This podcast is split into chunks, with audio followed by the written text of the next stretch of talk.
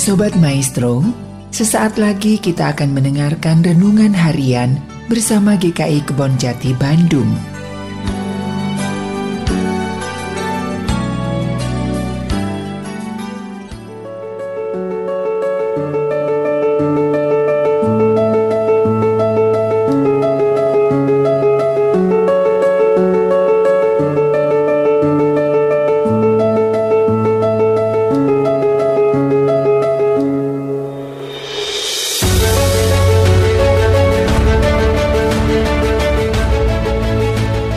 Shalom Bapak Ibu dan Saudara-saudari yang terkasih dalam Tuhan Yesus Kristus.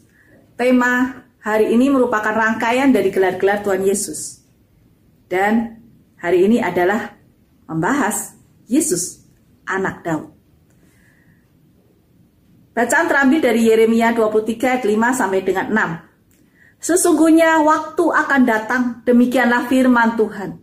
Aku akan menumbuhkan tunas adil bagi Daud ia akan memerintah sebagai raja yang bijaksana dan akan melakukan keadilan dan kebenaran di negeri.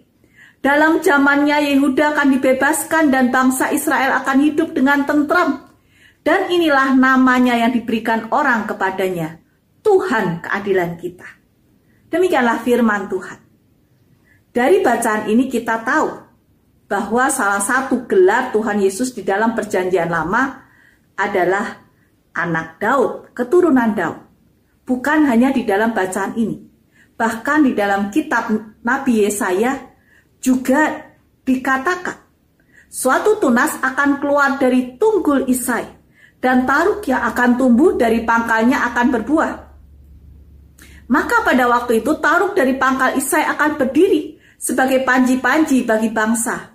Dia akan dicari oleh suku-suku bangsa dan tempat kediamannya akan menjadi mulia. Mesias juga mempunyai gelar Taruk Isai. Isai adalah bapak dari Daud. Jadi nubuat tentang Yesus, keturunan anak Daud, juga nubuat Yesus, keturunan dari Isai, bapak dari Daud. Di dalam Mazmur 110 ayat 1 juga dikatakan demikian. Mazmur Daud, demikianlah firman Tuhan kepada Tuanku, Duduklah di sebelah kananku sampai kubuat musuh-musuhmu menjadi tumpuan kakimu. Bacaan ini hendak membuat kita berpikir bahwa Daud juga mengatakan nanti keturunannya akan menjadi tuan. Dan pemanggilan Tuhan Yesus sebagai anak Daud kita bisa melihat dari kitab Matius mulai dari pasal 1 yang menceritakan silsilah Tuhan Yesus dari Abraham sampai kemudian kepada Tuhan Yesus.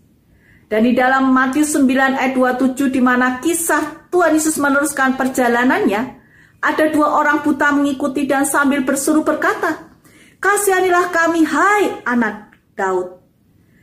Matius 15 ayat 22 juga dikatakan, maka datanglah seorang perempuan kanaan dari daerah itu dan berseru, Kasihanilah aku ya Tuhan anak Daud karena anakku perempuan kerasukan setan dan sangat menderita. Matius 15 ayat 22. Ada dua orang buta yang duduk di pinggir jalan mendengar. Yesus lewat. Lalu mereka berseru, Tuhan anak Daud kasihanilah kami. Dan di kisah yang lain juga dikatakan ketika Tuhan Yesus masuk di sebuah kota Yerusalem, maka orang-orang mengikutinya dan berseru Hosana bagi anak Daud.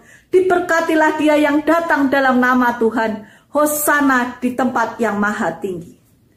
Tetapi ketika imam-imam dan ahli Taurat melihat mujizat yang dibuatnya itu anak-anak yang berseru dalam bait Allah Hosana bagi anak Daud, hati mereka jengkel.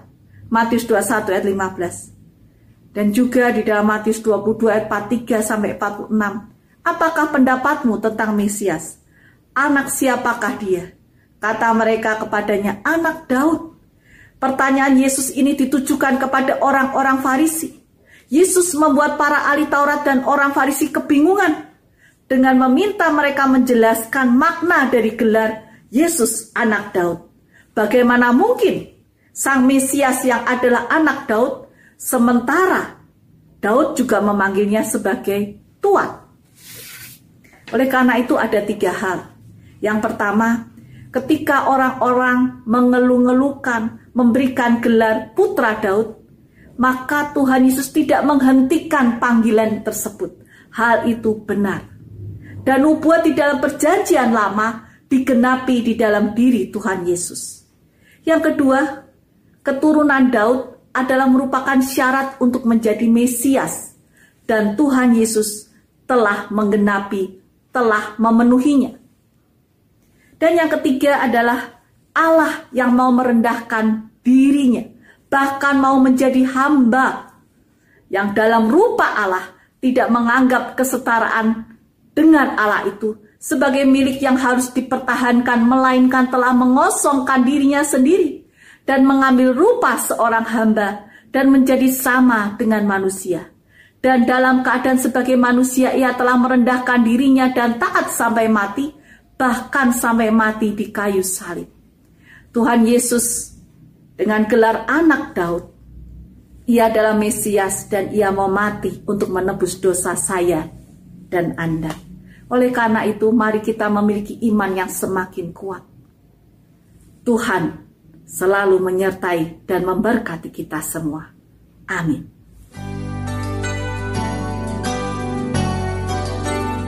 Sobat Maestro, Baru saja Anda mendengarkan renungan harian bersama GKI Kebon Jati Bandung. Tuhan Yesus memberkati.